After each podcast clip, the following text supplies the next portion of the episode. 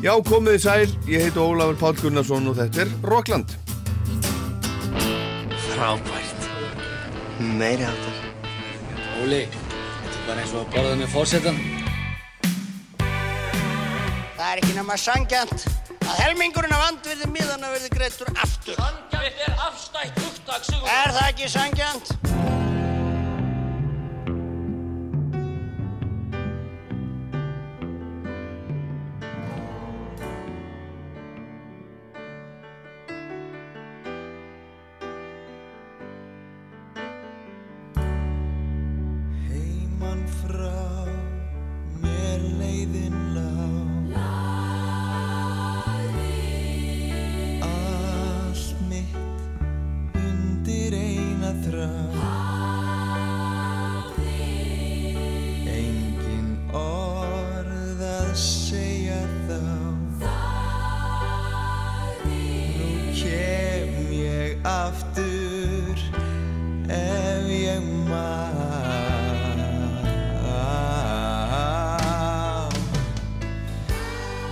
Þetta sem við heyrum hér er fyrsta lagið, eða minnst kosti eitt fyrsta lagið sem ég man eftir að hafa heyrt með Páli Óskari Hjálmdusinni. Þetta er lagið Nú held ég heim, lokalag Rocky Horror úr uppfæslinu sem MH setti upp fyrir tæpum 30 áru síðan, árið 1991. En þetta er alls ekki það fyrsta sem Palli söngin á plötu. Það eru nefnilega næstum 40 ár síðan hann gerði það í fyrsta skipti. Og gestur Rocklands í dag er popstjarnan Palli. Hann er búinn að heita Palli Stjarnar í símanum mínum áratögu saman en það er hann búinn að vera popstjarnar með stóru P.A. í 30 ár. Hann sló í gegn 19 ára gammal þegar hann tók þátt í söngkefni framhaldsskóluna og er í raun búinn að vera stjarnar síðan þá. En það hefur ekki alltaf verið auðvelt að vera Páll Óskar. Hann hefur tekið dýfur eins og við hinn og hann segir okkur frá því hérna á eftir. En hann segir okkur líka frá ymsu öðru sem á daga sína hefur drifið auk þess að við tölum um lauginas auðvitað og heyraðum nokkur í þættinum. En tilefni heimsóknarinnar Ingaður Rokkland í fyrsta sinn held ég bara er að Palli er að verða 50 og hann ætlar að fagna amalinu með stór tónleikum í háskólabíói núna um miðan mass þrísvarsinnum. Þar ætlar hann að fara yfir ferilinn með 17 manna hljómsveit riggviðburða þar sem er valin maður í hverju rúmi og á lagalistanum eru svona helstu stöðsmelli Palla í bland við annað sem að hann syngur eða hefur sungið miklu sjaldnar á undanföllnum árum þegar hann hefur tróðið upp. En Palli er sérst komin í Rockland, velkomin. Hæ, Ætlaðar alltaf að, verða söngvari? já, allan einhver partur á mér Já. og ég vissi það alltaf að ég er því listamaður Þú vissir það bara? Já, en það var ekki alveg að reynu í hverju ég myndi sérhæfa mig Ég byrja á því að teikna þegar ég er tveggjára sko. Uh, Ég gæti alltaf dúlla mér og dunda mér svo mikið. Og það er mér eiginlega bara rétt líst að ég alveg elska og elska enn þetta í dag að taka fullt af litlum smáatriðum uh, raða þeim saman láta það mynda eina heild og íta svo á playtakkan eða sína einhverjum það eða performera það. Og þetta var alveg ljóst frá blöytubarspunni Er það ennþá að tegna? Ég get það, ég teknaði svakalega mikið til svona tvítugs og uh, en svo byrjaði þetta poprugl Já. En, en ég menn, er þetta ekkit, þetta er ekkit svona, þetta er svona hobby hjá þér í dag en þessu leins? Nei, en ég geti það samt alveg þá, ég get alveg haldið á, á blíjandi og penna og, uh, og ég get alveg gert mér skiljanlegan sérstaklega ef við erum uh, og þetta kemur svo vel þegar við erum að kannski hanna búninga Já. eða gera storyboard svo kallað af, af tónlistamindböndum eða jafnvel tekna upp svið Já. uh, teknikunnotan kemur svo vel sko Ég myndi vilja, ég myndi mæta á, á myndlistarsýningu hjá þér. kannski þá hérna fer ég bara svi- svipaða leið og Latti hann er farin að mála Já, já. á fullu og en, enn sem komir þá hef ég kannski ekki haft bæði ástæðu og tíma til þess Nei. vegna þess að í rauninni allt mitt líf gengur út á það að tróða upp Akkurat, þú ert alltaf við því. Já. En fóstu í tónlistaskóla? Sko ég, mér var svolítið ítt út í e, það að læra á píano, læra tónfræði uh, í tónlistaskólum í Reykjavík og það kveikti ekki alveg nóg mikið í mér Nei. mér fannst það vera svona fyrir eitthvað kassalaga ferkanta nám og uh, og uh, og síðan var ég svo latur að æfa mig heima að að hálfa hefði verið nóg sko ég rétt, æfði þeim alltaf rétt fyrir tíman og hljópa alltaf í kannast stresskasti. margir örgulega við það. Já, og endarum þá hérna, fekk píjónakennarinn bara leið á mér og sagði mér bara hreint út, heyrðu, Páll Óskar e- ef þú nennir ekki að æfa því hérna veist, og hreinlega nennir þess ekki þá eru þú veist 20 krakkar hérna í byðröð bara sem býð eftir því að komast í sæti þitt. Nú ég tók konuna bara orðinu og hætti bara. Já, og hvað, hvað varstu gammal þá? ég hef verið 11 ára, 12 ára og það sem ég í rauninni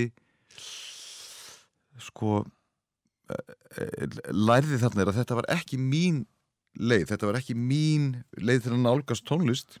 Nei. Uh, og, og ég kannski ætlaði mér einhver aðra hluti.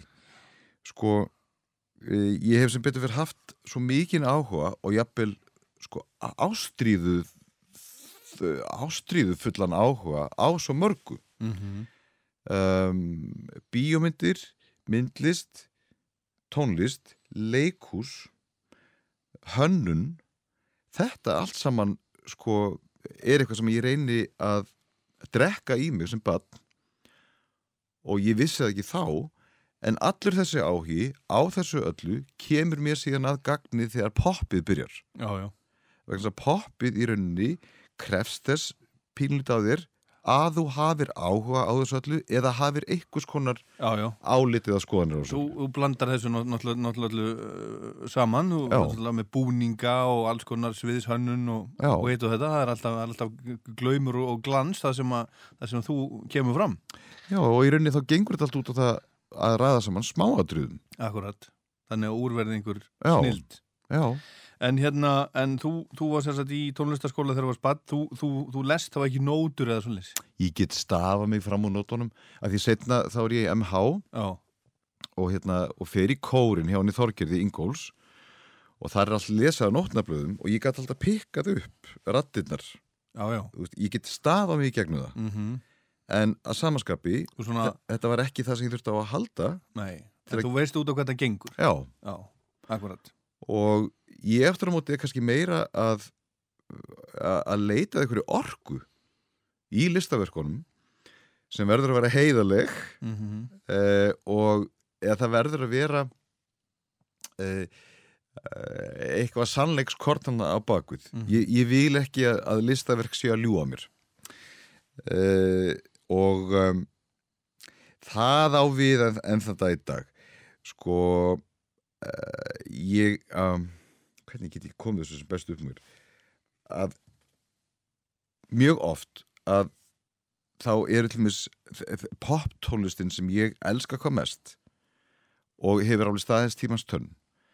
Þetta eru oftar en ekki listaverk sem er einhver stórkostlega blanda af listaverki og dægurmenningu. Mm velhæfnuð poplög eins og til dæmis ef ég get eh, tekið sjálf á mig sem dæmi stansu stuð sem ég og Jói Jóhans gerðum á sínu tíma á seifplötunni 96 uh, en þann dag í dag þá finnst mér þetta listaverk virka. Það, það deliverar -hmm. og þetta sándar ennþá vel þótt þetta sé tekið upp 96 þú var alltaf tekur eftir því. Uh, þetta er samt sko, þetta lag er samt ekki að öskra á því eitthvað, ég er listaverk veist, en, en það er það samt svona ekki dósum á og, og grínmyndir og farsar sko, eru kannski ekki beint áleitin listaverk, ekki kannski high art, en á bakvið grínmyndir og, og farsa liggur alveg gríðalega flókin vinna tróð full drekklaðin á smáatrun og það sem er kannski svo magnað síðan við danspoppið sem að ég hef hvað mestan áhuga á og fyrir síðan að einblín á er að það sem að mjög svo spennandi kannski við það danspop er að þetta er svolítið hættulegt listform sérstaklega rafpop. Mm -hmm. vegna þess að raftónlist getur hreinlega eh, sko drepist í höndunum á þér. Hún getur verið þunn og kassalaga og, og, ekkert líf í henni uh, ég man það mjög glögt þegar ég og Jói Jóhans og Ken Thomas erum í stúdíónu þarna Jacob Studios í London að taka upp seifplötuna að þá vorum við Jói tilbúinu með þetta þe- þe- þessa útsetningu af stansustuð við reyndum og reyndum og reyndum ég veit ekki hvað oft við eigum sko 12 mismunandi mix af þessu ákveðna lagi og alltaf bara alltaf vantaði eitthvað ákveði energi í þetta. Þetta, þetta datt bara þetta datt flatt á nefið alltaf. Mætir Ken Thomas veist, byrjar bara algjörlega upp á nýtt. Hann, hann lækkaði bara í öllum tökunum á, á, á hérna á mi- mixborðinu. Byrjaði algjörlega upp á nýtt og allt í hennu lifnaði lægið við í höndunum á honum. Já, hann náði einhvern veginn að blása lífi í þetta lag. Sem betur fyrir þá getur þú tekið þetta líf upp þú getur, getur náða að klófesta þessa orku mm Mhm. nelt hann á teip eða nelt hann á eitthvað stafrænt og þar verður hún. Já.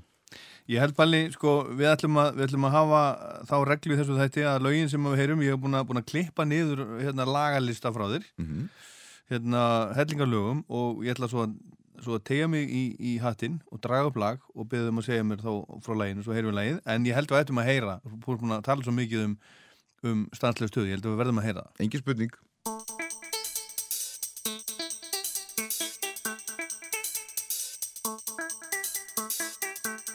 Byrjar aftur þessi ólýsanlegi kraftur sem líkt og tígristinn læðist að bráð gefst ekki upp fyrir dýrun en náð verður að fá lögin heyrast og stæltir fætur þurfa að reyfast frá fylgja mjálmittar ögrandi með. Og blessa gingrið sem bætir við get yeah. Alltaf sama gamla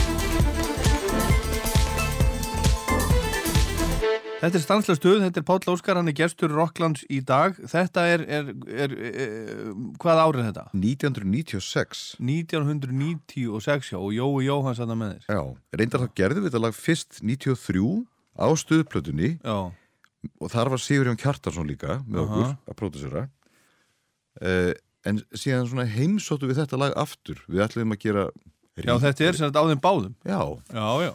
Uh, þetta sem þú heyrir núna frá 96 er eiginlega remix Mm. af 93 útgáfunni. Já, já. og okkur langaði bara, veist, að gera betur. Og þetta einfalla virkaði betur. Þarna náðum við að ramma inn lagið, loksins. Lag sem átt að vera, veist, mikið grín og glens svona til að byrja með. Og öll heila stuðplatan um, 93 er unnin af Jóa og Sigurjóni og mér þarna líka þetta er í fyrsta sinn sem uh, einhver ítir mér út í það að fara að semja melodíur og texta. Ég hef aldrei komið nála slíku sko Já, nokkuð tíman á æfinni og, og þetta er í rauninni fyrsta lægið og fyrsti textin sem ég sem. Já, já. ég mun aldrei gleyma þessu. Ég, hérna, uh, ég hitti Jóa og Sigurjón og Óttar Proppi og strákana í Ham, þetta er New York 93 og þetta reyndist vera svolítið örlega rík ferð fyrir mig til New York sumari 93 að því þarna frelsast ég bara. Þarna fann ég tilgang bara Já, já. í lífinu. Að heimsækja hommasinuna í New York þarna uh, upplifa alla þessa hástónlist upplifa alla neðjarðarklúbana og tónlistina sem að geikreðsan er að hlusta á þá stundina þetta bara hitti mig í hjartastað. Þarna meikaði þetta allt saman sens. Um, þetta er ákveðið sound sem nær síðan að komast upp á yfirborðið aðeins setna einmitt í kringum 96 uh, þá hérna um, þá er í rauninni þessi stefning búin að, að um, hún er búin að vera að krauma undir síðan 88 89, Chicago House dótið Aha, allt saman Já. sem er í rauninni sjálfstætt framhald af diskobylgjunni. Mm uh, disco er í rauninni uh, það tónlistarform sem er mér ákvæmlega hugleikið. Ég hef bara áhuga á diskói ég hef áhuga á þessu þessari lífsorku sem þarna býra baki. Fyrir það, fyrir það fyrsta þá er disco kannski svo tónlistarstefna sem vill og langar að hafa bara bein líkamleg áhrif á þig Mhm. sem hlustanda. Hún er, hún er gerð til þess að þú hreyfir þig og gerð til þess að þú dansir. Aftur á móti það sem er svo hættulegt við þetta er að ef það er ekki rétt haldið á spöðunum og ef það er ekki hugað að hverju einasta smáatriði þú veist, bæði hvað var það hljóðfærarleik og mix að þá getur diskoður hérna drepist í höndunum. Já, já, það er, getur verið alveg steindautt. og það er til uh, sko því miður mjög mikið af slæmu, vondu danspoppi og bara eiginlega poptónist fyrir það fyrsta.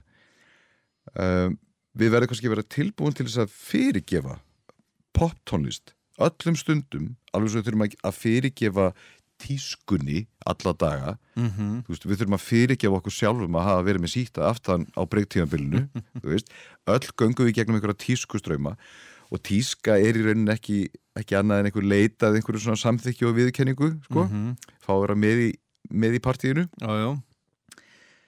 og uh, ef við erum tilbúin til þess að fyrirgefa tískunni svona öllu stundum að uh, þá náum við mjög auðvitað að pikka út og, og finna klassikerana þú veist, á ruslahaugnum Já, þá náum við að finna demanta á þessum, þessum stóra ruslahaug. Ég er enda trúið því og hef sagt áður, ég held að 90% af allri tónlist sé algjörst drasl, þú einnóta drasl, þetta var líka við um hip-hop og rock og klassíska tónlist svo kallaða, Uh þú veist, og Já, já, þetta er, þetta er út um allt. en svo aftur á móti, það eru 10% af það Já, sem ná þessari ákveðnu orku. og það er, það er nóg af, af þessum gullmólu sem við viljum að heyra hérna, heyra hérna í dag. Er En, en Palli, hérna, þú hefur, þú nú bara eins og allt venlegt fólk gengið í gegnum alls konar, alls konar hluti. Þú veist, orðin 50 úr, eða ert að verða. Mm Mhm. Hvenær á tamali? 16. mars, 16. mars. já, Þá ertu, verður 50 ára. alveg. Koma því betur eftir. Hérna, en sko, hvenær var erfiðast að vera Páll Óskar? Mm, ég myndi segja að það sé frá uh, 1999 til svona 2001 þá er ég í svona ginnungagabi um, sko eh, bæði fjárhagslega og líka sem listamaður vissu óskup lítið hvort fótinn ég átt að stíga. En þetta reyndist vera mikil blessun í dölagerfi Já, já, en byrju, hérna hvað varst að gera þarna tónlistanlega? sko, ég gef út plötu sem hétt Deep Inside Paul Oscar árið 1999 Já, Þetta er fyrsta verkefni sem ég ken nálægt sem floppar svona rosalega. En mín mesta blessun í lífinu er nefnilega svo að ég hef aldrei verið á mála hjá einhverju risa plötu fyrirtæki. Uh, nema smekkleysu, smekkleysa gefur út uh, þarna, stuðplötuna og síðan fyrsta miljónumæringa verkefni sem ég kom átt þú allt hitt sjálfur? Ert þú útgefandi? Allt, allt annað á ég sjálfur. Þú átt katalógið þinn? Já, það var enginn sem stóð yfir mér og, þú veist, neytti mig til þess að gera einhverja plötu núna eða skil einhverja að mér núna. Mhm. uh, það var enginn sem stóð yfir mér og sagði mér hvernig þetta vera eða hvernig þetta sánda. Þetta var allt saman á mína ábyrð og það fílaði ég líka. Að ég fílaði að taka sénsinn, veist, taka fjárháslega ábyrðina sem fylgir því að gefa út plötu, reyna að láta endan á saman, sko. Já, og alltaf, alltaf náðu öll verkefnin sko nullpunktunum sko og maður var bara hress með það. En þetta var sko alveg galið tímabil myndi ég segja þarna frá 93 til 99 af því að þetta, þetta var alveg ein plata á ári. Sko 93 er stuðplatan 94 er fyrsta millarplatan 95 pallaplatan 96 saveplatan 97 Eurovision 98 Casino-dæmið já. svo 99 Deeperside-platan og BOOM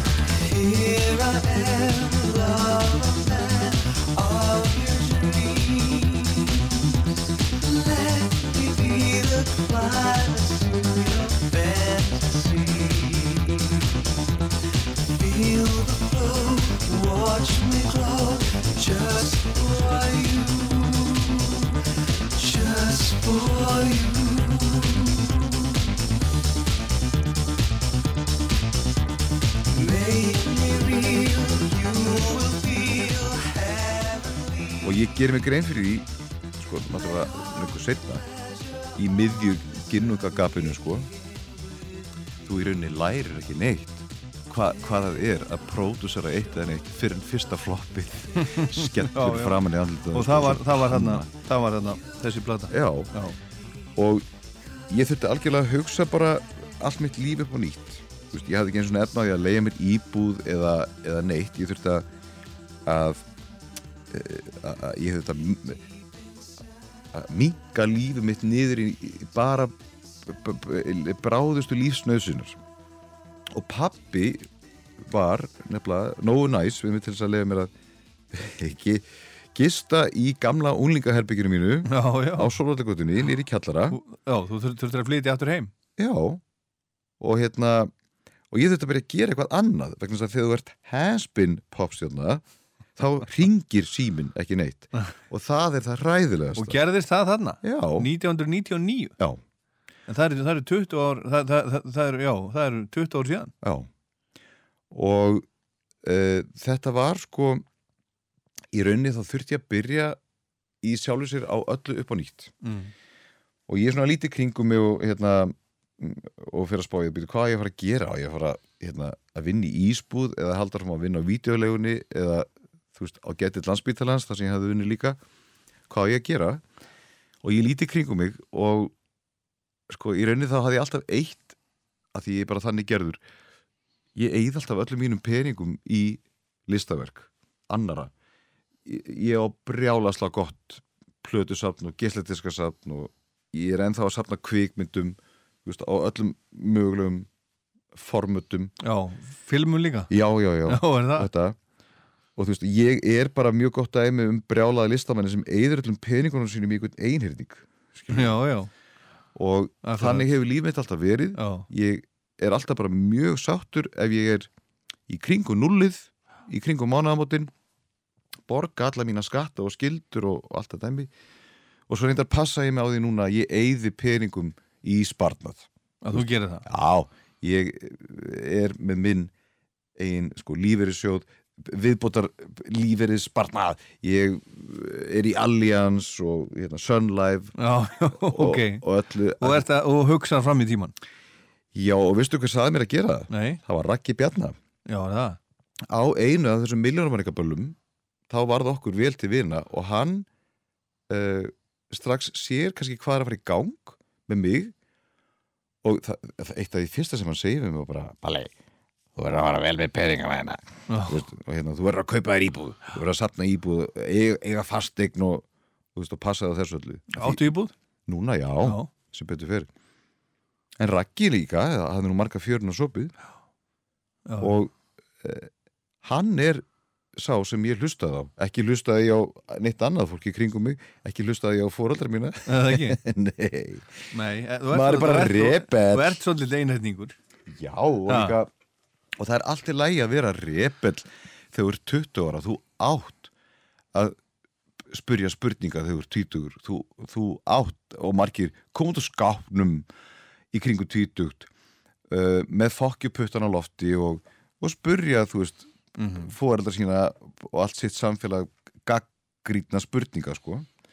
en svo tek ég eftir því að uh, það er ekki nóg að vera með fokkjuputtan á lofti alveg til 30 eða 40 Eða 50 eða 50 uh, ég tek eftir því á fólkinu í kringum mig að ef þú ert síðan búin að gera í buksunar eða verður fyrir ykkur mótlæti þá vennilega fer fólk að vinna í sjálfu sér í kringum 30 ef þú ert ekki byrjar að vinna í þér andlega fyrir færtugt þá get ég lofa því að í kringum færtugt þá ert þú komin í þitt eigið ginnungagab eða mun erfiðara Mhm. að fara að vinna í sjálfu þér og ná jafnvægi og það að vinna í sér andlega finnst mér eiginlega bara að ganga út á það að þú heldur jafnvægi jafnvel undir kringumstæðum þar sem, það, þar sem þú áttir það til að frík út veist, og missa stjórnaður bara í kvíða og óta eða af áhyggjum uh, eða eða að þú ert svona lafrættur við útkomu alls, hvernig þetta kemur út getur ekki sleppt tökunum á útkomunni. Nú, nú í dag er ég orðið miklu betri í þessu að ég fíl alveg að vera svolítið hengdur upp á þráð þú veist þegar maður er að vinna að einhverju verkefni að vinna að plöti að vinna að næsta sjói alveg upp að mómentinu þar sem ég er að hita mig upp gera mig sætan þú veist, að dressa mig upp og, og ná röddin í gang þá fíla ég alveg að vera á tánum. En svo þegar sjói byrjar þegar, tjaldið fyrir frá þá nægir nefnilega að sleppa tökunum. Plapp, algjörlega sleppa tökunum. Þú veist, er í bara fínu sambandi við mig og minna aðri mátt eitthvað uh, og tristi einhver, einhverju utanakomandi poweri fyrir útkominni Eh, sjóið mun bara og, og platan mun bara hafa þau áhrif sem hún vill. Já, og það er dásamlegt að vera í þessu núi akkurat á miðjum tónleikum. Og það er örugglega þetta sem annað fólk pikkar upp þegar sér mig tróð upp. Ég elska svo mikið að vera þarna veist, og næg að gefa áfram uh, svona rosalega fallega orku uh, að uh, ég held að það sé ástæðan fyrir að fólk klappar fyrir manni fyrir það fyrsta. Já, já. Það er ekki ólíklegt. En Palli, við ætlum að spila einhver lög, lög líka, ekki? Já, hvernig verður Já, herðu, þá komum fyrsta læginu sem, að við, sem við það? Já, og ég er með hérna bara svona hatt og, og búin að klippa niður lög. Ok. Og hérna við erum með miklu fleiri lög en við komum nokkuð tíman að. Mm.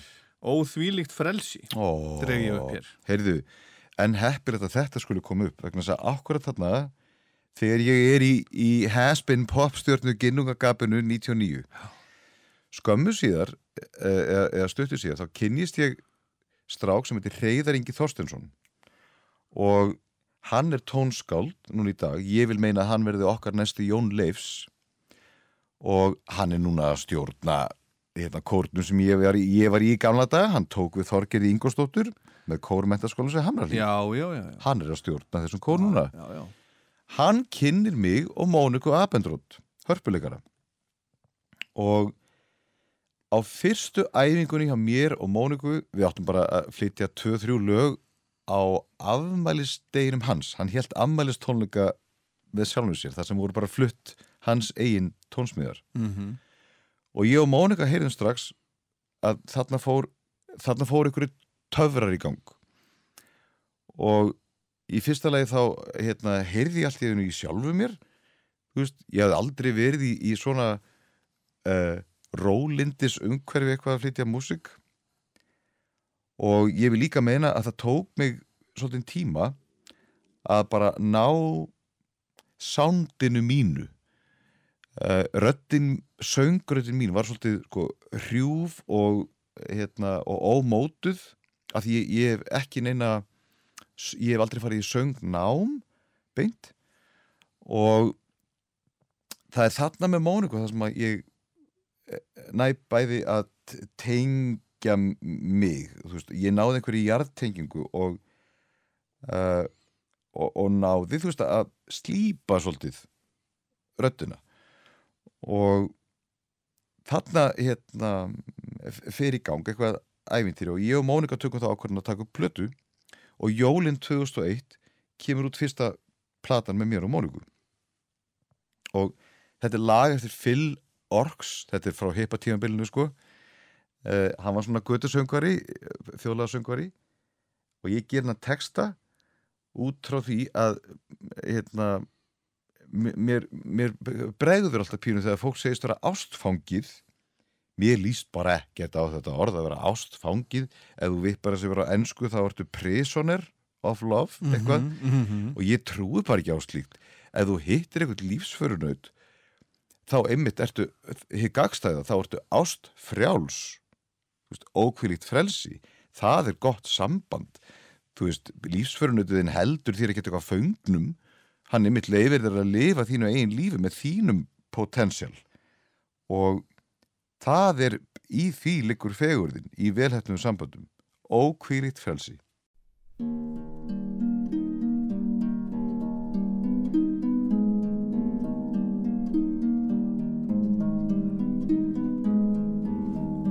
Varðst á mínum vegi þegar mest á reyð augna minna sjáaldur og sjáandum leið. Lofa að þann dag við fundumst. Þú ert alltaf sem ég vil. Ó, hvílíkt frelsi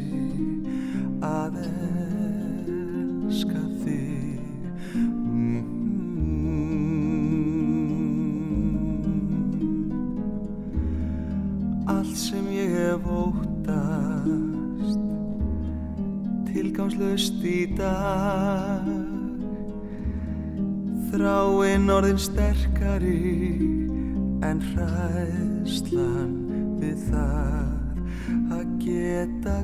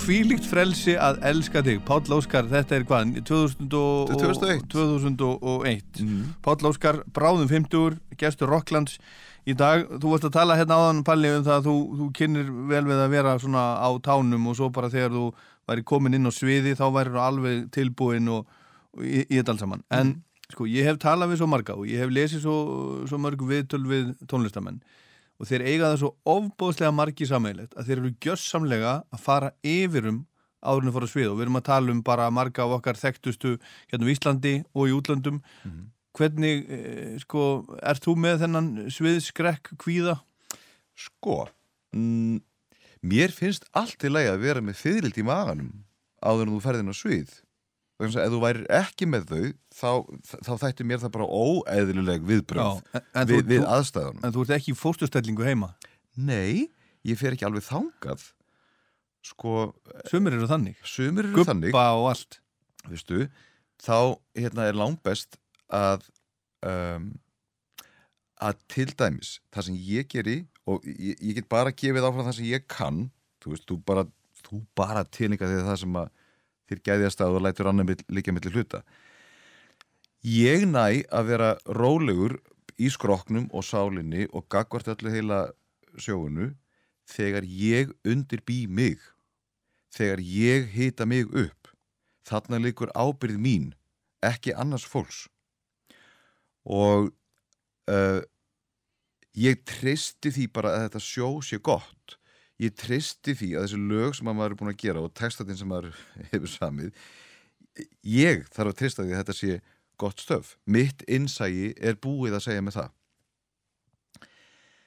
Veistu þ- þú fer síðan fram bara upp á svið, gerir þitt besta og það, það er ekki þínu verkaring, þér kemur það bara ekkert við hvort fólk klappi fyrir þér eða ekki. Þú gefur áfram það sem þú kant og það sem þú getur gjöf í eðli sínu e, gengur út á það að þú gefur eitthvað án þess að byggðun eitt tilbaka mm -hmm. uh, ef þú ert að heimta það að fá okkar tilbaka eða hefur áhyggjaraði hvernig fólk tekur við þér þá er það egoið þitt sem ræður ríkjum er, e þú ert að leifa egónu þínu að lita sjóið og lita þig lit, Mhm. og, og, og því miður lit, litir egósins eru bara ekki dólega fallið sko. Nei, en, en, en talað um ego, lítur þú á þig sem, sem, sem mikinn egoista?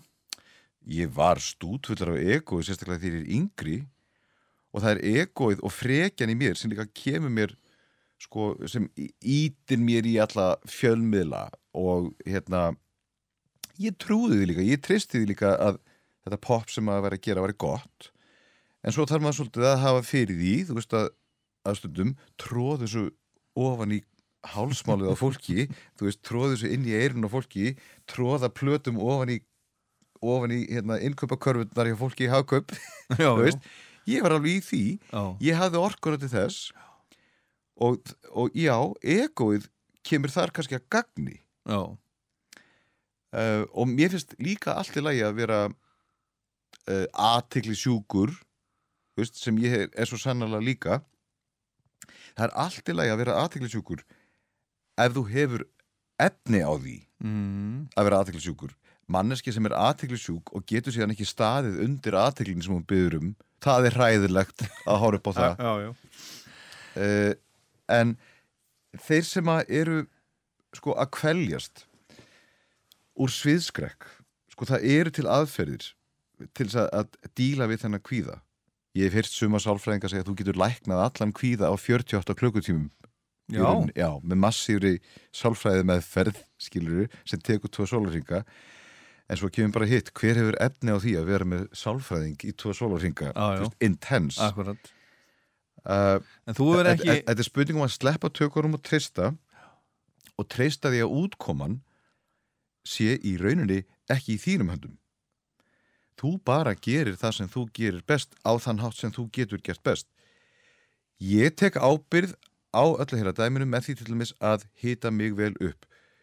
Ég eh, nálgast sjóið núna þannig að ef það er sjó þótt að, þótt að sjóið byrja klukkan 12 minúti kvöld þá er ég byrjaður að humma mig í gang klukkan 9 morgunin mm ef það er sjó þá fer allur dagurinn í sjóið. Og er, og er það, það lítil sjó líka? líka, já. Bara þegar það er, þú veist, pallaball einhver staðar. Já, og þar með líka ef ég byrja að humma mig í gang klukkan 9 morgunin þótt sjóið byrja á minnati þá er ég líka að byrja virðingu fyrir sjóinu ég byrja virðingu fyrir áhörnundunum ég byrja virðingu fyrir hljóðfærinu mínu sem er söngrötin ég vil líta vel út ég vil raka mig og gera mig sætan mm veist, ég er svo til svona, ég er af gamla skólanum hvað það varðar, ég er svona Frank Sinatra þú veist, Dean Martin people pleaser sko. Mm -hmm.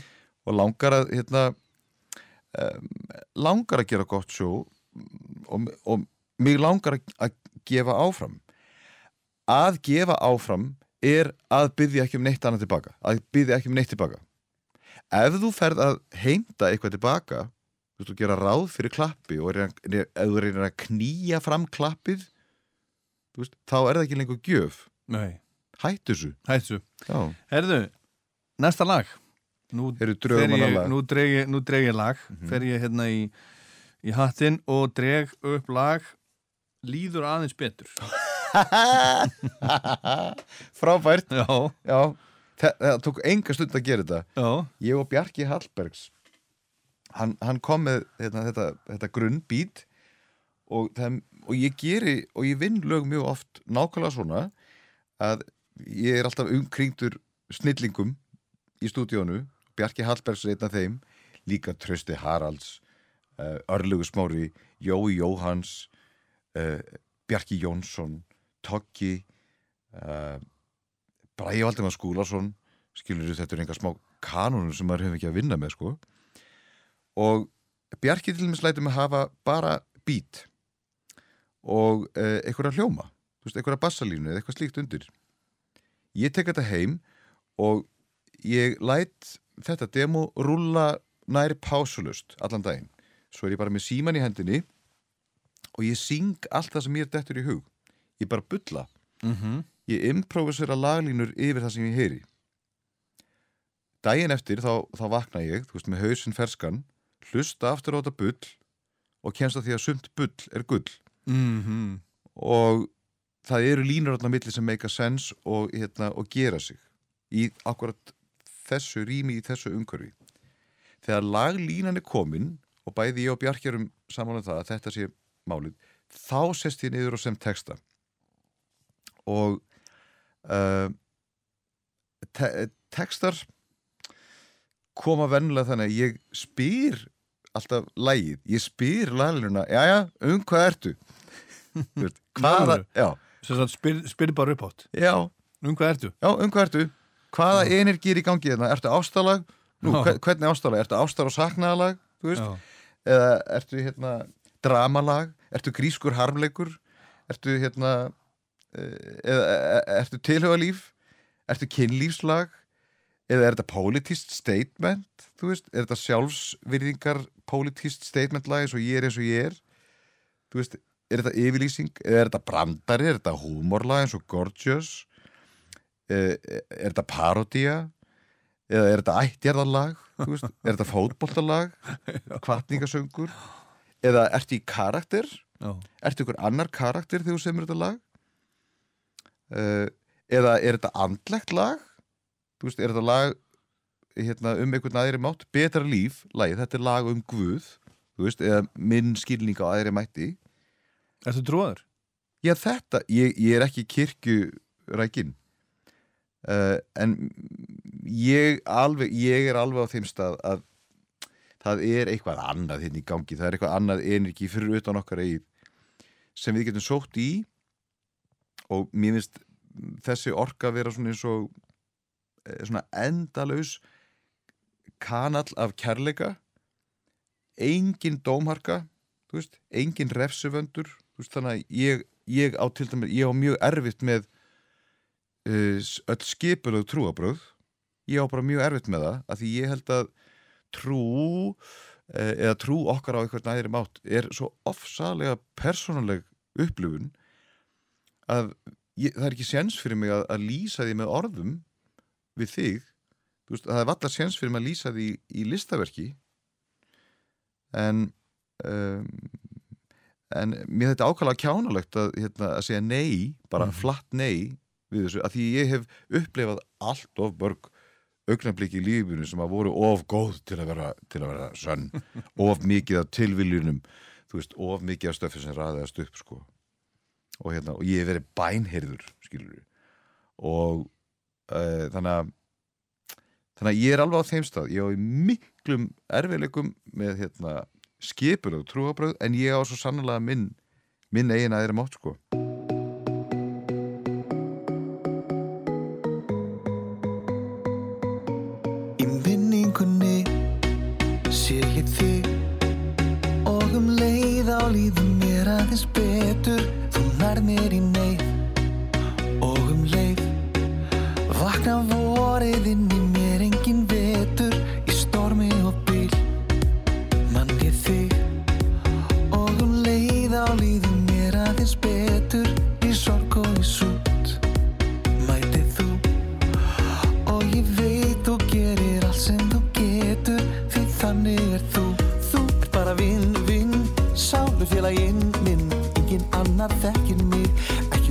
svona inn á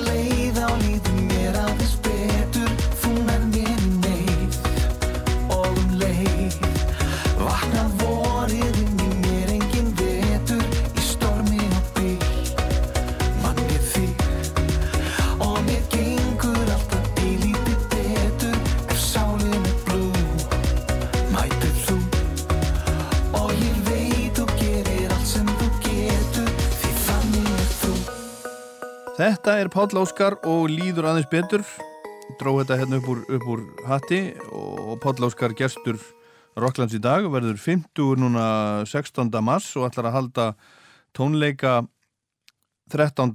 og 14. mars 12, 13 og 14 12, 13 Já, og þetta eru 14 þrennir í, í. Háskóla Bíó en þú ætlar ekki að vera með svona tvo á dag ég get það ekki þú getur það ekki, Nei, ég orkunna sko- vegna Úff, ég þú, hérna þú vilt ég, bara ekki leggja það á þig Sko þetta er 20 manna hljónsitt Já, sem spila með mér. Og Friðrik Ómar er að pródusera þetta með mér. Ég vil meina að hann sé eitt besti pródusent sem við eigum.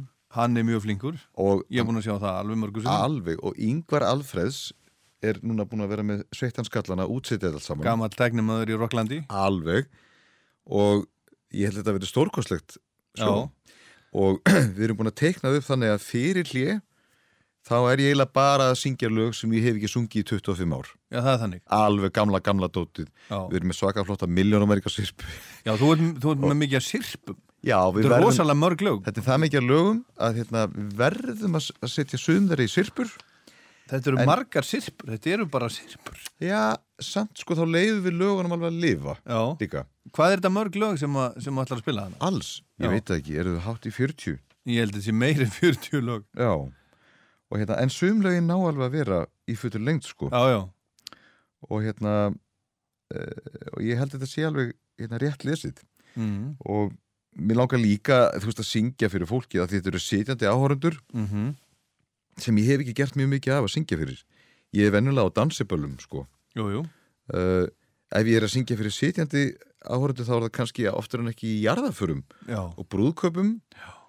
og ég hef af og til gert svona að fingur fram tónleika með Jón Ólafs. Já. Alveg stórkostlega skemmtilegt sko. Mm það er algjörlega fingur fram. Já. að blanda af uppistandi og músík. já, já, já. En- og, en þarna þá vil ég bara fyrir hlið er uh, sko stöffi sem ég vildi syngja fyrir, fyrir sitjandi áhörundur en eftir hlið þá byrja já. ég vil ekkert að fólk sé að sitja í sætunum sko. Nei, nei, ég, það stendur þá bara upp ég vil bara bá svona út öllu sem ég á og það er engin leið að ég geti gert tvö svona sjó á dag sko. Æ, Þú ert að hlusta Rocklands á Rás 2. Og við höldum áfram með Páli Óskari hérna rétt á eftir. Hallo, mein Name ist Oliver Riedl von Rammstein und ihr hört Rockland.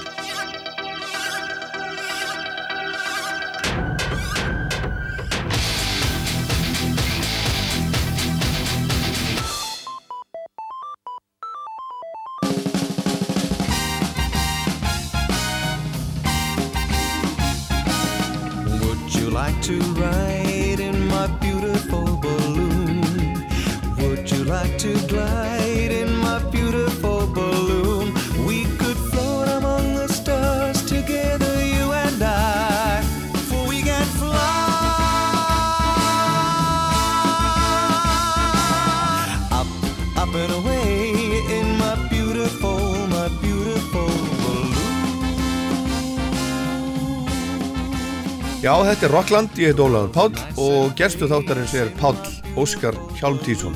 Hann var hérna rétt á hann að segja okkur frá því að ammælist tónleikandir hans verða þrennir í Háskóla bíói 12., 13. og 14. mars og hann talaði um að hann treysti sér ekki til að halda tvenna tónleika sama daginn eins og sömur gera.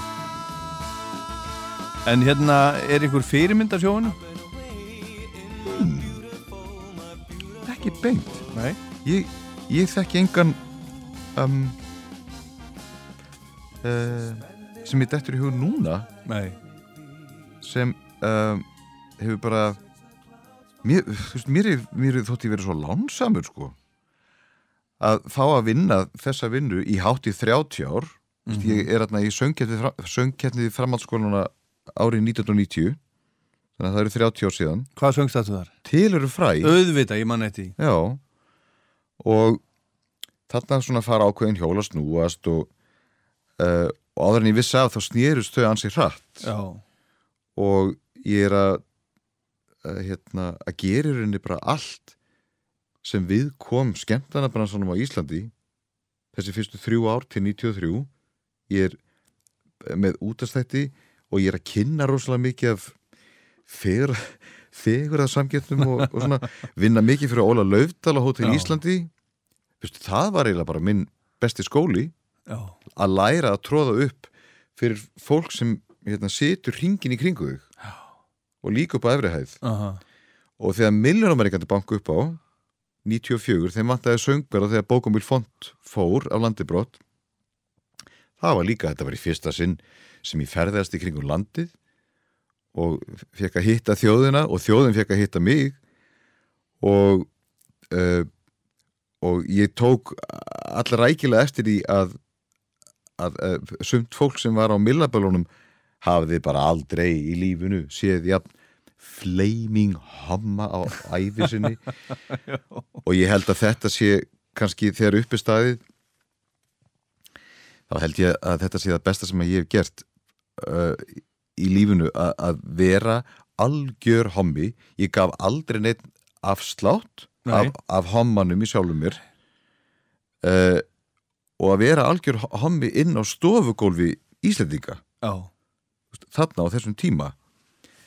Þetta reyndist vera síðan ómetalegt þegar, þegar maður lítið tilbaka því nú í dag þá er að koma til mér strákar sem eru núna 20, 25 ára og þeir segja mér bara fullum fetum eru bara ástæðan fyrir því að ég kom út úr skápnum var að mamma mín er heima að þrýfa með pallaplutunar á, í botni og þannig að þetta auðveldaði Já, já, alveg öruglega þeim til muna að vera já. með hérna, e, þessa fyrirmynd svona ein, e, engin afsökun sko Mhm.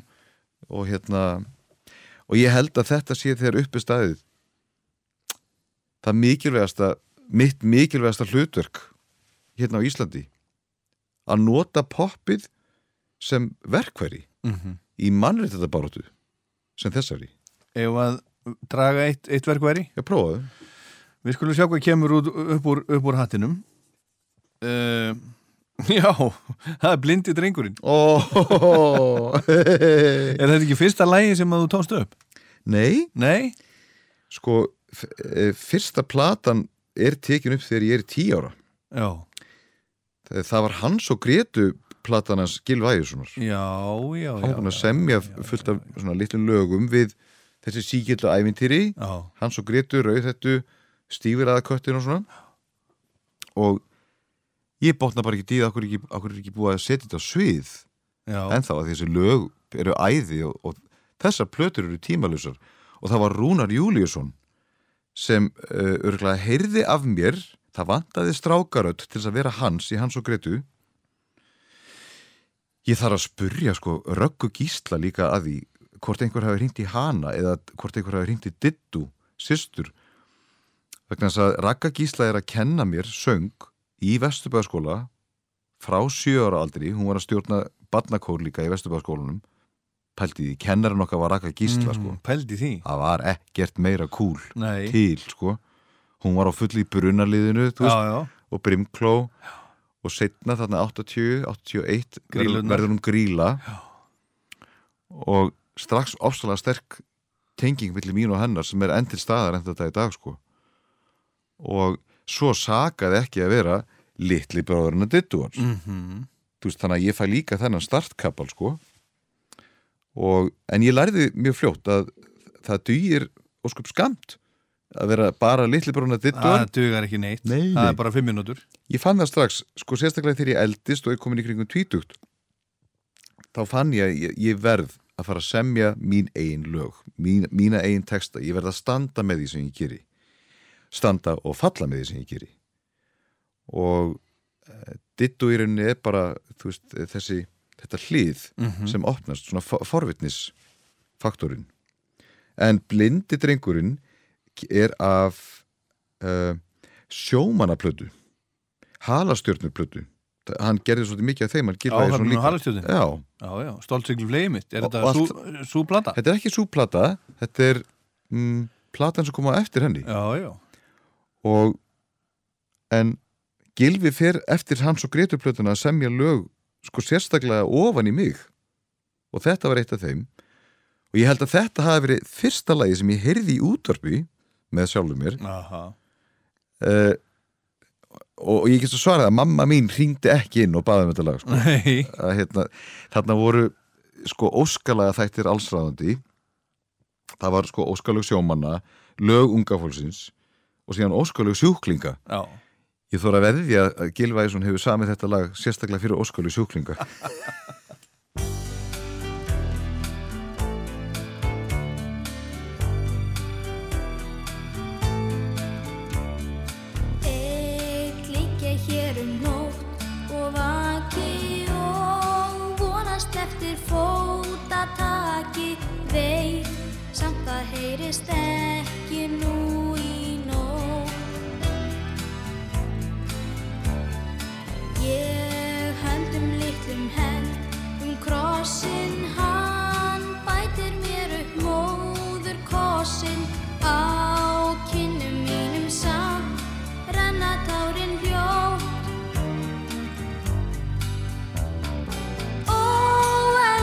góði Guð, gefða mamma mín komi aftur hingað heim. Svo ég haldið geti höndum tveim, hana um og kista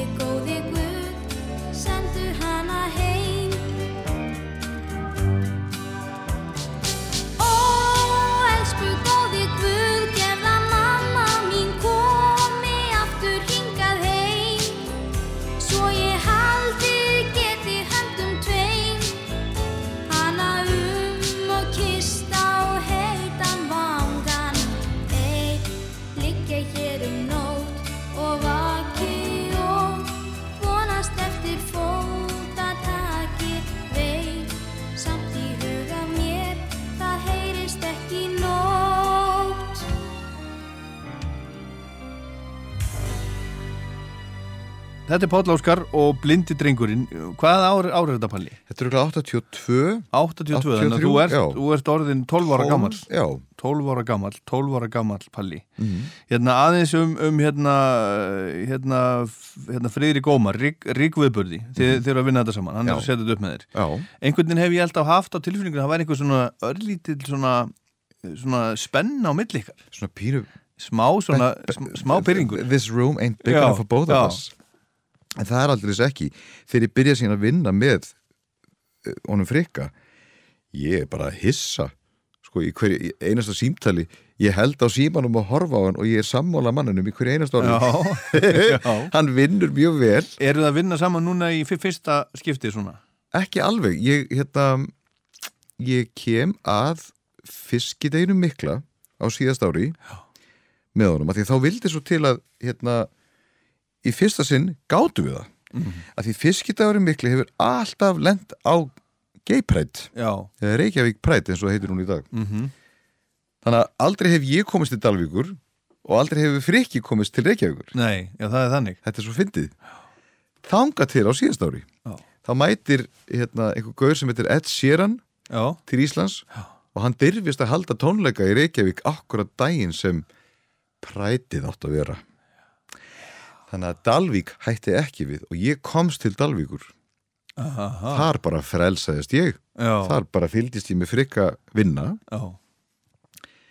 og sé bara strax að þetta er bara mjög vel smurð vel Já, já. hjá honum það er bara Hann kann þetta mjög það, það er svolítið legur fagmennskan bara af hverju manni þannig að ég svolítið eh, lappa inn í þessa vél hjá honum og býtir þetta sjó og núna erum við yngvar búinir að vera að fara yfir Já, er hann hljómsveita hann, stjóriðin já, hann útsetur allt hann yngvar Hverir eru svona þínir helstu samstagsmenn í geg gegnum tíðin? Er þetta alltaf sama fólki sem voruð að vinna með? Nei um, Ef það eru tveir menn sem ég get nefnt í sögunar sem hafa í rauninni sparkað í mig og drullað mér í gang þá er það fyrst og fremst Jóhann Jóhansson 1993 og í öðru lagi Örlugu Smári árið 2007 og það er Jói sem reynd út sagt sko, ítir mér út í það að fara að semja melodíur og texta Mhm. svona á þann hátt sem ég geri Já. hann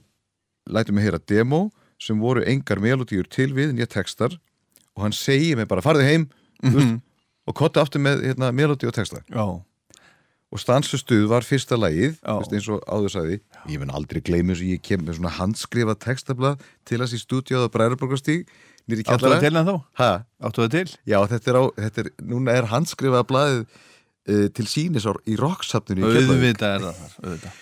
og hérna og þetta var sem sagt lægið og textin að staðstu stuð og ég mun aldrei gleyma því Jói hérna hlustar á þetta og ég prófa að syngja þetta fyrir hann og hann les textablaðið á meðan.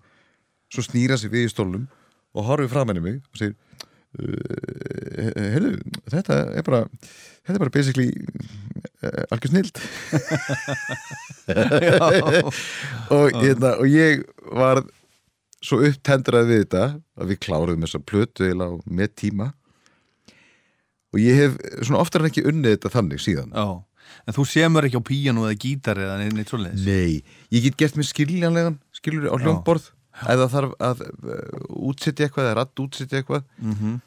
stundum hérna uh, ef að mér dettur í huga einhver önnur bassalína eða eitthvað slíkt þá syngi hana bara. Mhm.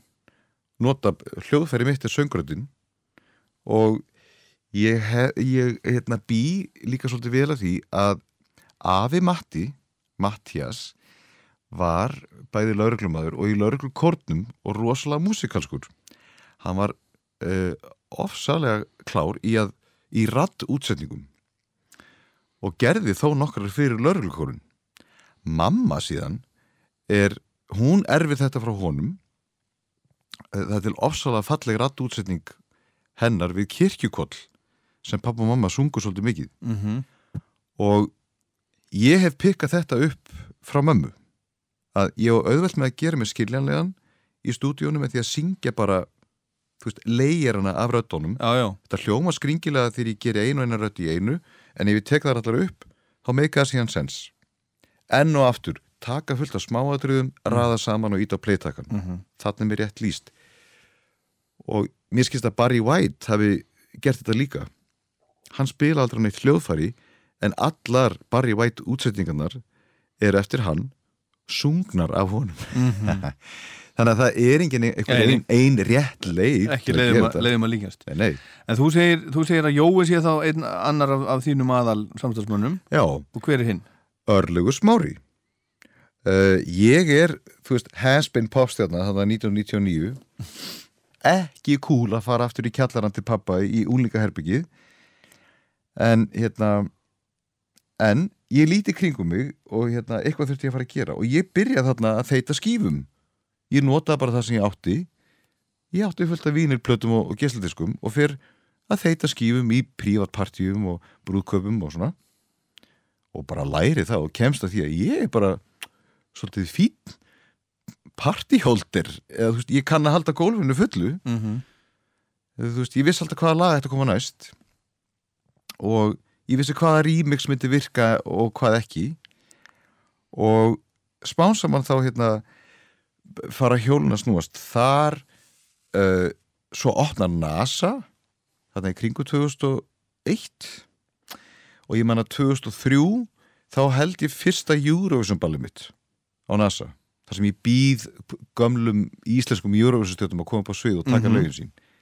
Ég mun aldrei gleyma því þessu kvöldi, þetta var, þetta var árið sem Birgitta Haugdal var að keppa. Þakið fóra af húsinu og ég upplifið það í fyrsta sinn þarna og hef upplifið það margóft síðan mómentið morgunin eftir. Að vakna morgunin eftir eftir svona indislega orkustund þú veist, þegar þakið fyrir húsinu og það fyrsta sem að dettur upp og þegar þú vaknar er djúðlar þetta gaman skilur, Mhm. þetta er indislegt augnablík og til þess er þetta og það er þetta augnablík sem fær mig alltaf til þess að leggja stað aftur, aftur upp í aðra þú veist, vegferð og hérna hver einasta sýning á Rocky Horror núna í veist, allar 70 eða 80 sýningarna það var alltaf morgunin eftir djúðlar þetta gaman Er það virkilegt? Já. Já.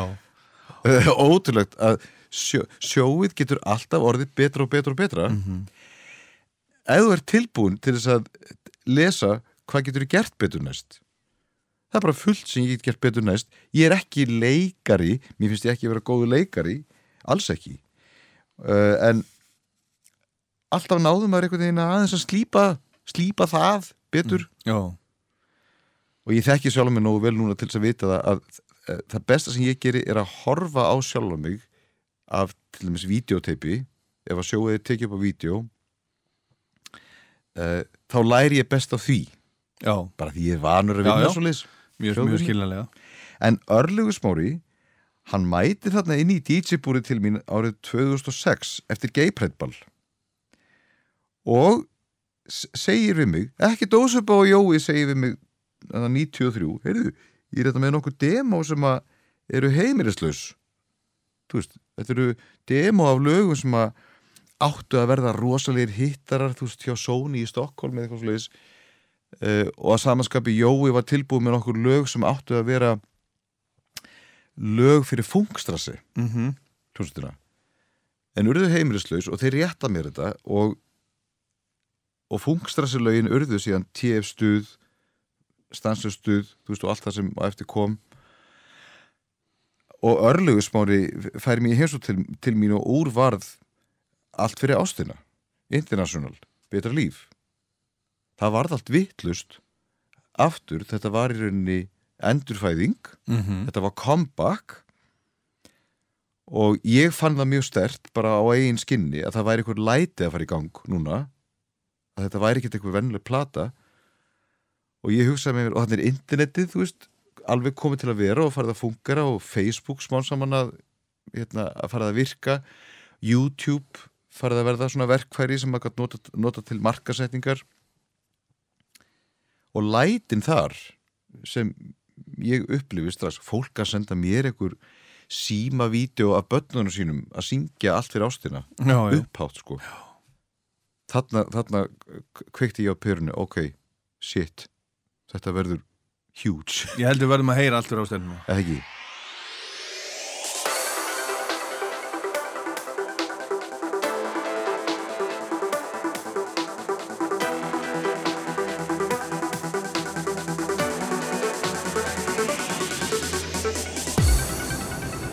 Sama hvernig fyrr stendur eftir staðrindin að ég elska þig. Og því fær engin breytt Sama hvernig var.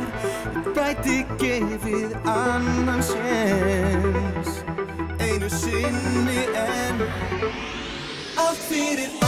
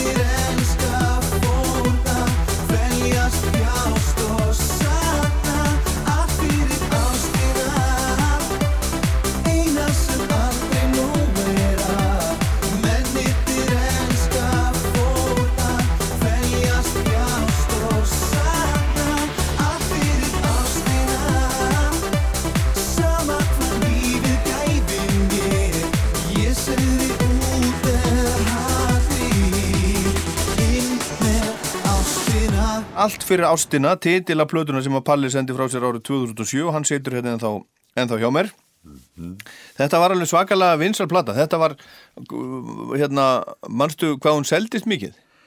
Úf, á endanum þá, þá man ég að þá kláruðust það kláruðust öll 20.000 eintökin Vá. sem voru Svona prentuð. Já, og hérna þetta held áfram eh, að seljast fram yfir árið 2007 og hérna ég bjóð til smá læti vegna þess að á þessum tíma var ennþá verið að stela músík uh alveg með harðri hendi.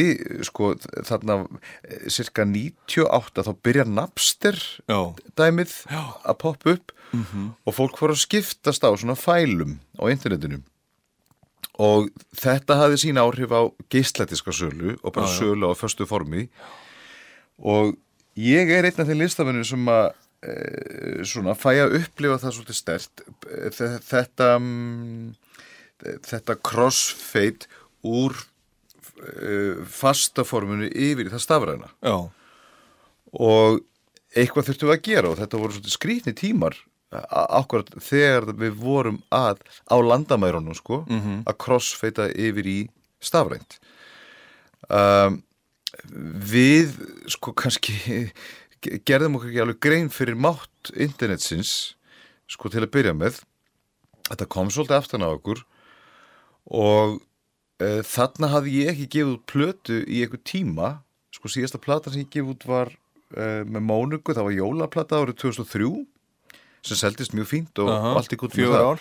en þú veist það hefði engin áhuga á því að vera eitthvað að downloada því dóti, þú veist en þegar allt fyrir ástinarplatan kemur uh, og er þessi pop smellur sko sem hún, sem hún var að þá tók ég eftir því að hérna, einhver var búin að taka upp eh, plötuna í heilsinni sko reynlega í, í real time Já, já. hafði fyrir því að taka hann upp í real time og setja þannig inn á netið og, hérna, og hún var komin inn, á- inn á þessar torrent síður sko bara strax Já.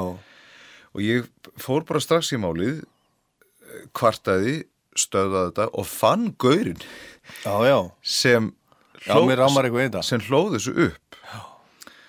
og hérna og ég náði að gera á honum og vonandi hérna, þjóðinni grein fyrir því að hérna, akkurat þetta er lífsviðurværi mitt eða ég verði að geta selt þessa plötu til að geta, geta gert fleiri Mhm.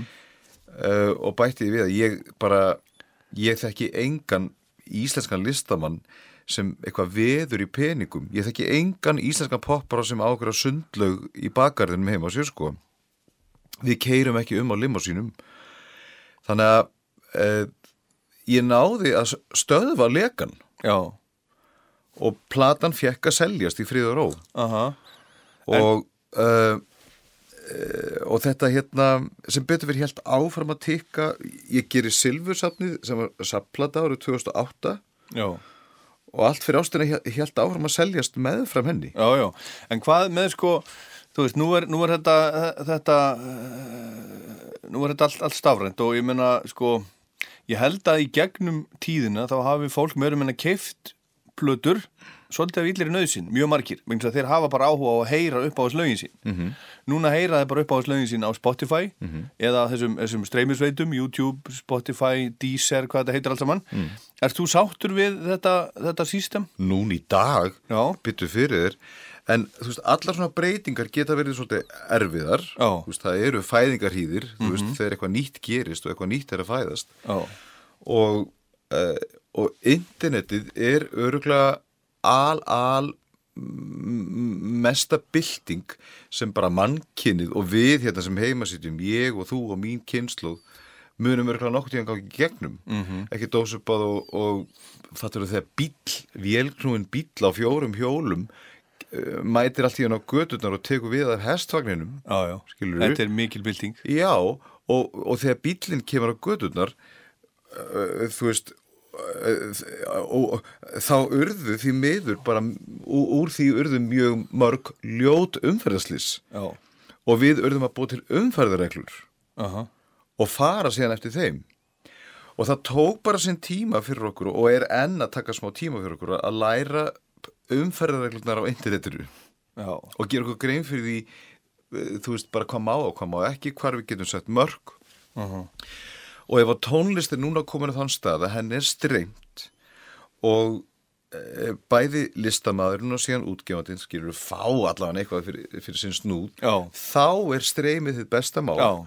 og ég get lofaði því að e, ungu listamennir núna sko allir rappararnir, hiphopararnir og, og þeir sem eru að búið til pop núna Mhm. veistu, ég get svarið að ég held að þau sé að fá meira út úr tónlistinni sinni í beinhörðum peningum heldur en við þannig að 90 sem voru að 90s liði gefa út- fjekk gefa út blöður Já. já. En, þú, en þú sjálfur, erst þú að fá svolítið, uh, er, er Spotify fæ að borga þér eitthvað? Uh, núna, ég, þú veist, ég er 50 ára gamall, ég er ekki unglingastjarnar sko Nei. ég er ekki með miljón spilanir á hvert lag Nei, nei það er ekki nema að ég kom með nýjan hittara núna sem kannski nær miljón spilurum já, Aha, já. Þá, þá get ég búið þér út að geta Já, ok Herðu, en það komið að draga lag. Mm -hmm. Er þetta tilbúin? Já, já, skjóttu. Ok, ég ætla að tek þetta hérna. Sjáumst aftur. Ó, fallegt. Já. Vistu, Þetta er 1995 og þetta er hann Jóhann Jóhansson heitinn sem útsettur þetta og pródúserar. Og þetta er sem sagt gamall matrikall. Við þurftum ekki að sækja um leifi hjá lagahöfundunum að því að þetta er samið á 14. öld. Já, akkurat. Orlando de Lasson heitir hann. En málið er að hjá Þorgirði Ingolstóttur í Hamralhjákórnum Mhm. þá hérna þá fekk ég eins að kynnast þessu sönglagaformi, matrikall. Þetta er gríðalega flókið gríðalega flókna rattsetninga sko og, hérna, og hver rödd að syngja hver í kappi aðra svolítið, Já, já. en úr verður alveg ofsalega falleg harmoni Þetta er mjög fallegt, er, er ekki Kristjana Stefáns þetta, þetta með þér? og þannig líka hann Sverri Guðjóns. Já. við þrjú sungum þetta bara hreinlega og, og það er Sverri Guðjóns sem syngur nefnilega bæði alltinn og tenorinn. Já, já. Hann, kontra tenorinn sjálfur sko. Uh, Kristjana er sópran og ég tek bassalínuna. Já og Jói Jóhans sem sagt, útsettur þetta, við erum með Matta Hemstokk á trommum uh, Bigga Braga sem var með mér í miljónumæringunum þá á bassa. Uh, Rest is history. Ég, ég klambraði saman þessum texta þú veist bara við þennan lagstúf. Og ég man að í stúdjónu í hljóðhamri hjá hann Rabba, trommara, sáluga Já. gerðust bara einhverju töfrar og og þótt mér finnst núna í dag kannski textin vera pínu klaufalugur sko og það er alltaf lægið þótt að, þótt að, þótt að sem poptónist sé svolítið klaufaleg á til þá samt er ég gríðarlega sáttu við sándið á Já, um, hvað er klöfulegt við, við hann texta? Eh, ég lærði það þarna, þú, það, er ekki, það er ekki hægt að segja við sjáumst áræðinlega aftur. Já. Það er ekki hægt að segja það. Nei, þú, það er- það þú, er- það, það er ekki hægt að sjá neitt aftur af áræðinni Nei. Þú, þú, eh, Við sjáumst áreiðanlega aftur. Akkurat. Ef ég gæti farið í tímavél Já, og, og breytið þessu, þá myndi ég Já, gera það. er ég En enginn heyrði þetta, enginn sagði neitt Nei. á sín tíma. Svona En, en í í dag, pa- ef ég þarf að syngja þetta þá passa ég mig á því að segja sjáumst áreiðanlega á þetta. áreiðanlega aftur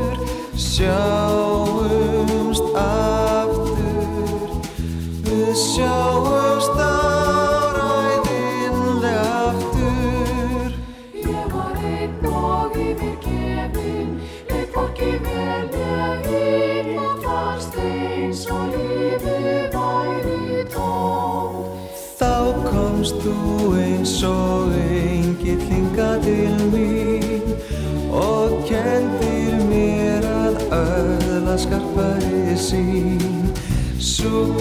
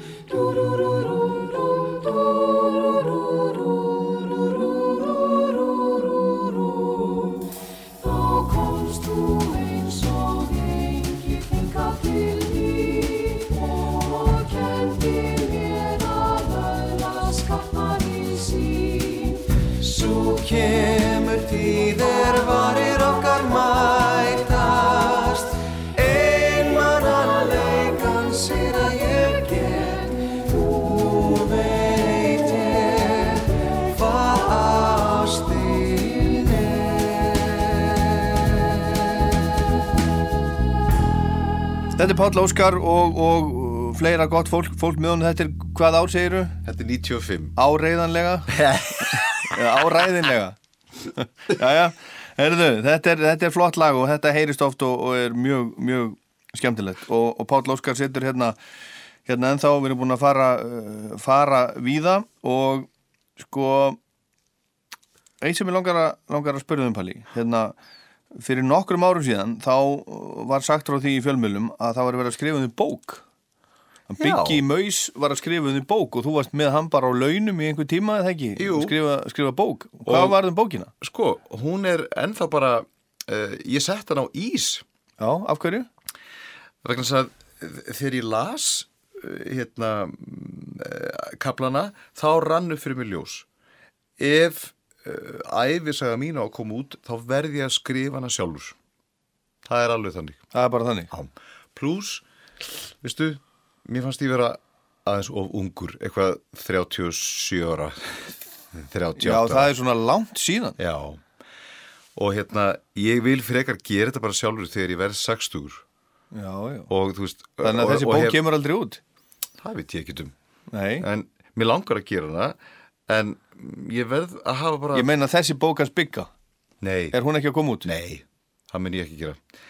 Sko, það er langt um betra bara að gera þetta sjálfur og uh, ég verð að hafa aðeins betri yfirsýn yfir líf mitt vegna þess að það gerist síðan alltaf eitthvað nýtt. Já.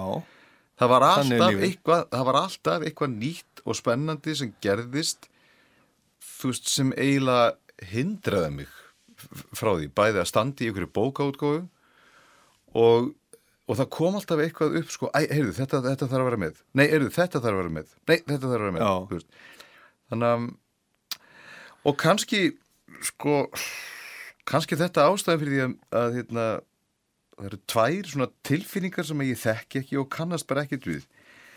Það er, það er að vera tilfinningin að vera einmana. Þú þekkir það ekki? Nei, Nei. og að leiðast Já, Mér hefur aldrei leiðst Á efinni? Nei Og aldrei verið einmanna? 50 ára gamall hefur, aldrei leiðst og það þýðir aðeins eitt það er búið að vera gaman Já. að vera til alltaf eitthvað í gangi alltaf eitthvað mm, einna nýtt pródekt eða eitthvað bubbling under Og hverju þakkar þetta? Uh, ástríðu minni fyrir þessari vinnu sem ég vinn Já. Efast aldrei um, um eitt eða neitt? Jú, jú, ég get alveg verið að drepast úr efasendum um sjálfan mig, sko. Uh, og ég var nú aðalega, ég, ég var sérstaklega mikið í því alveg til þrítugs. Mm, núna, þú veist, í dag, þá er ég búin að ná ágættis tökum á því. Þess vegna held ég mitt að, hérna, sko, sá sem er að drepast úr efasendum um sjálfan sig, hann á ekki að skrifa ægusögu sín. ekki að skrifa hann að svo stöttu. Eh, ég verð að fá að lenda fyrst á jörðinni, sko. Já, já, já. Áskal ég skrifa. Þetta verður ógeðslega skemmtileg bók.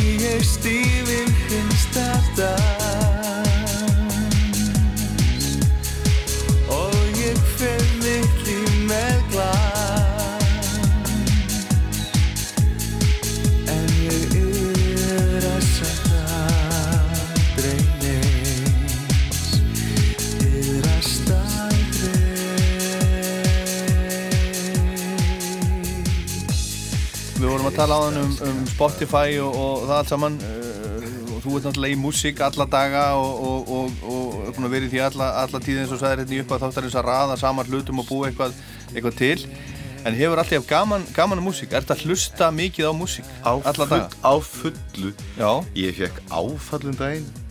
Uh, ég var að hlusta á nýju GTRN plötuna. Já. Sem ég finnst geðveik æði. Uh, svo er sagt í útarpinu og, og, hérna, hún er afkynnt um GTRN. Já, GTRN er fætt árið 1996. Já. það datta mér andlitið að sko, hvað var ég að gera á 1996 ég var í einhverjum rasslausum leðurbuxum Já. þú veist, í plastgalla Já. að gera save-plötuna og undirbúa mig þú veist undirbúa mig að hérna, snúa Eurovision á kolf Já. þá er GTRN Já, já, svona veist, að fæðast og þannig að já, ég fylgist með já. og ég hlusta enn Já, en hvernig hlustar ertu, þú, þú átt mikið af geisladiskum, vínil, hlustar á Spotify eða setur þú blöð á fónin? Ég, í dag er ég aðalega á Spotify Já. Þetta er svo gott og einfalt og Hægt að ég, ég, ég keiri um á svo flottri Toyota maður að Já. þetta er allt beint Spotify er bara beintengt Já, í sponsored by Toyota. Já, já, já, já. Og þannig að sem betur fyrir sko og líka vegna þess að ég er ennþá þeita skífum á og til í svona privatpartíum þá verð ég að fylgjast með Já, já. En, hvað, en ertu ennþá að nota geisladiska í því? Já, sko reyndar ég blanda því saman Já. Ertu með En- tölvu og svona, svona kontróler en, en, en mér þykir voða gaman að handleika Já. gísladiskana að því ég er vanur því Aha.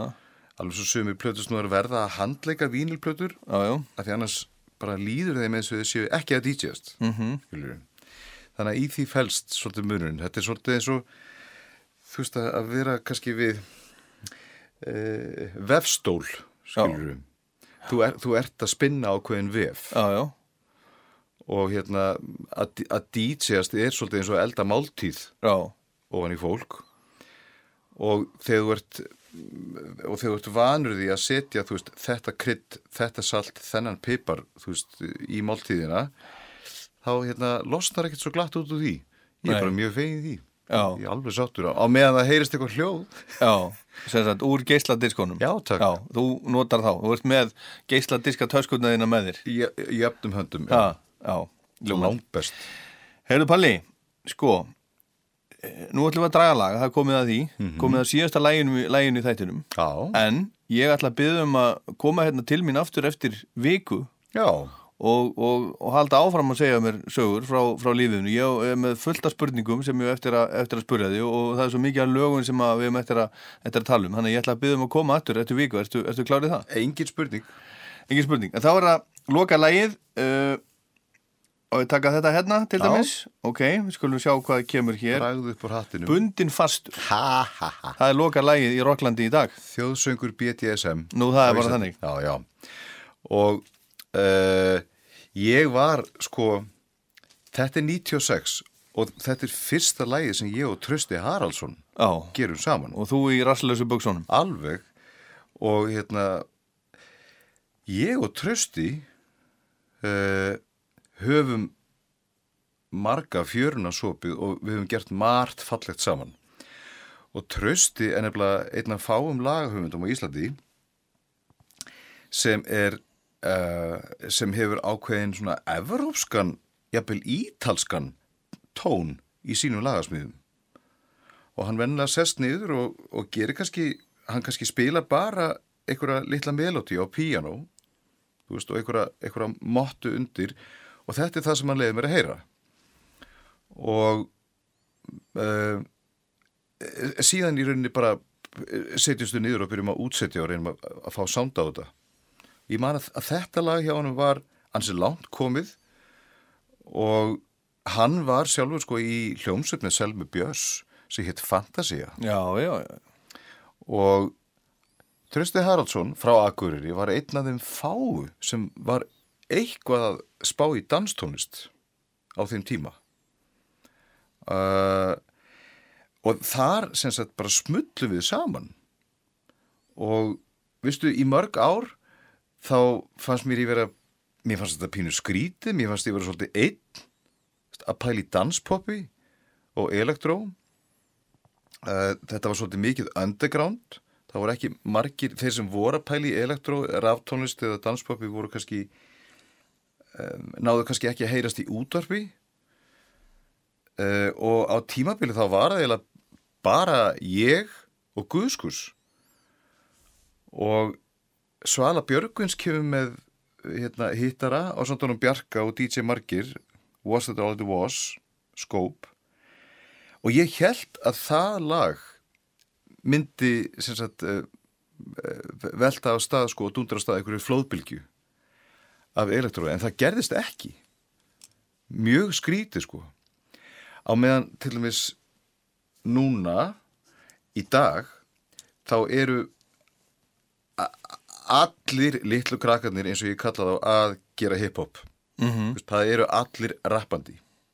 Uh, en sjáðu samt það tók samt sinn tíma fyrir mm, um, hvað getur sagt það tók sinn tíma fyrir rappið og hiphopið að fá leifi til að vera á íslensku Mhm. Rottvælir hundarnir Mhm. mæta þarna 99-2000 er það Já, ekki? já. með bara byltingakenda plötu rappaða á, á íslensku já, já. en það er ekki fyrir en 10-12 árum síðar að fleiri þorðu að Já, fyrir þetta verður svona, fyrir þetta kemur svona og er út um allt Já, Já. og það sama gerist með danspoppið að við erum þarna, ég og Jói þarna 93 þú veist, að búið til diskoplötu. Mhm. málið var kannski líka að þetta var svo ógeðslega bannað veist, að gera disko Mhm. þetta var alveg off og eh, hérna, mjög, mjög hallæraslegt ég, ég veit nú ekki hvort ég get tekið undir það. Ég meina þú, það er náttúrulega Páll Óskar sem er að gera þetta og það gerði þetta bara uh, cool sko. ekki alveg sama, alveg sama hvað þetta heitir og, og hvað, hvað vakti fyrir þér. Það sem kemur út úr því er Páll Óskar. Já. Sko, og ég gruna líka svolítið að, ástæðan fyrir því að þetta virkaði er veist, þessi ástríða sem ég hef fyrir danspopunu Mhm. og fyrir elektrónu. Og þetta er disco er og hefur alltaf verið svolítið óhrina batninar efu í músiksögunni. Ég hef aldrei vitað til þess að að einhver tónlistastefna hafi verið tekin og brend á báli. Jú, jú, brenna alls konar rock og bítlana og þungarrock og kiss og allt bara. En, en, að brenna en hverjir ekki kri, en hverjir standa fyrir íkveikjónum Það voru einhverjir, einhverjir K- kristilegir hægri öfgamenn. Jó, eitthvað svo leiðis Já. Já. sko það sama gerist þarna í Chicago held ég að verið. Það var eitthvað rúbíleikur sko og í leikliði var sem sagt bara svona haugur á diskoplötum, vínilplötum. Það var bara búið, búið til bálköstur já, já. á miðjum leikvellinum og kveikt í. De, de, Death to Disco heita, The Disco hérna, Demolition heita og svo þegar maður, tjekka betur á YouTube og, og tjekka hvaða fólk er þetta? Þá er þetta ofta en ekki hvítir kallmenn sem hérna sem bera eld að þessu sko og þegar ég fyrir að hugsa máli betur þá, fyrst, þá skil ég alveg af hverju disco fer í taugarnar á, á hvítum kallmönnum. Disco eh, svolítið er að, er að a, e, vill hafa líkamleg áhrif á þig, vill að þú dansir. Og kannski er það bara ekkert öllum hvítum kallmönnum gefið. En eh, hommar konur uh, uh, blökkufólk og eins og maður segir people of color þau eru sólgin í þetta. Og þannig að diskóið verður þarna á þessum tíma svona um, e e ekki vopn heldur verkværi uh, og underground diskóið þessum tíma var í blóma og það er eitt gauð sem ég lít sérstaklega upp til sem heitir Patrick Coley hann er þannig í San Francisco að vinna elektró, pop á sama tíma og kraftverk eru að brillera með sína tilhörna músik í Þískalandi sitt disco. Já og á sama tíma og, og Giorgio Moroder Mhm. sem er af ítölsku bergibrótin er að gera slítið sami munn hér Mhm. ég tilbyð þessa veist, Patrick Coley, Kraftwerk og, og Giorgio Moroder þetta eru mínu menn Mhm. Og eiga þeir eitthvað í bundin, ég er bundin fastur? uh, Þematengt, já, þá er hérna BDSM mikill underground kultúr og verður það örglað eilífu. Uh, Lægi sem slíkt er ofsalega evróst og bæði í uppbyggingu og laglínan síðan svona D-side, ítölsk laglína. Og ég held að dálæti mitt á ítölskum sætum laglínum, það kemur frá pappa sem er tenorsöngari elskaði Luciano Pavarotti og Placido Domingo og alla hetjutenoruna þetta var spilað út og söður og inn inn og út á mínu æskuheimili. Og ég hérna bara e e elska svona tilfinningaþrungnar sætar laglínur.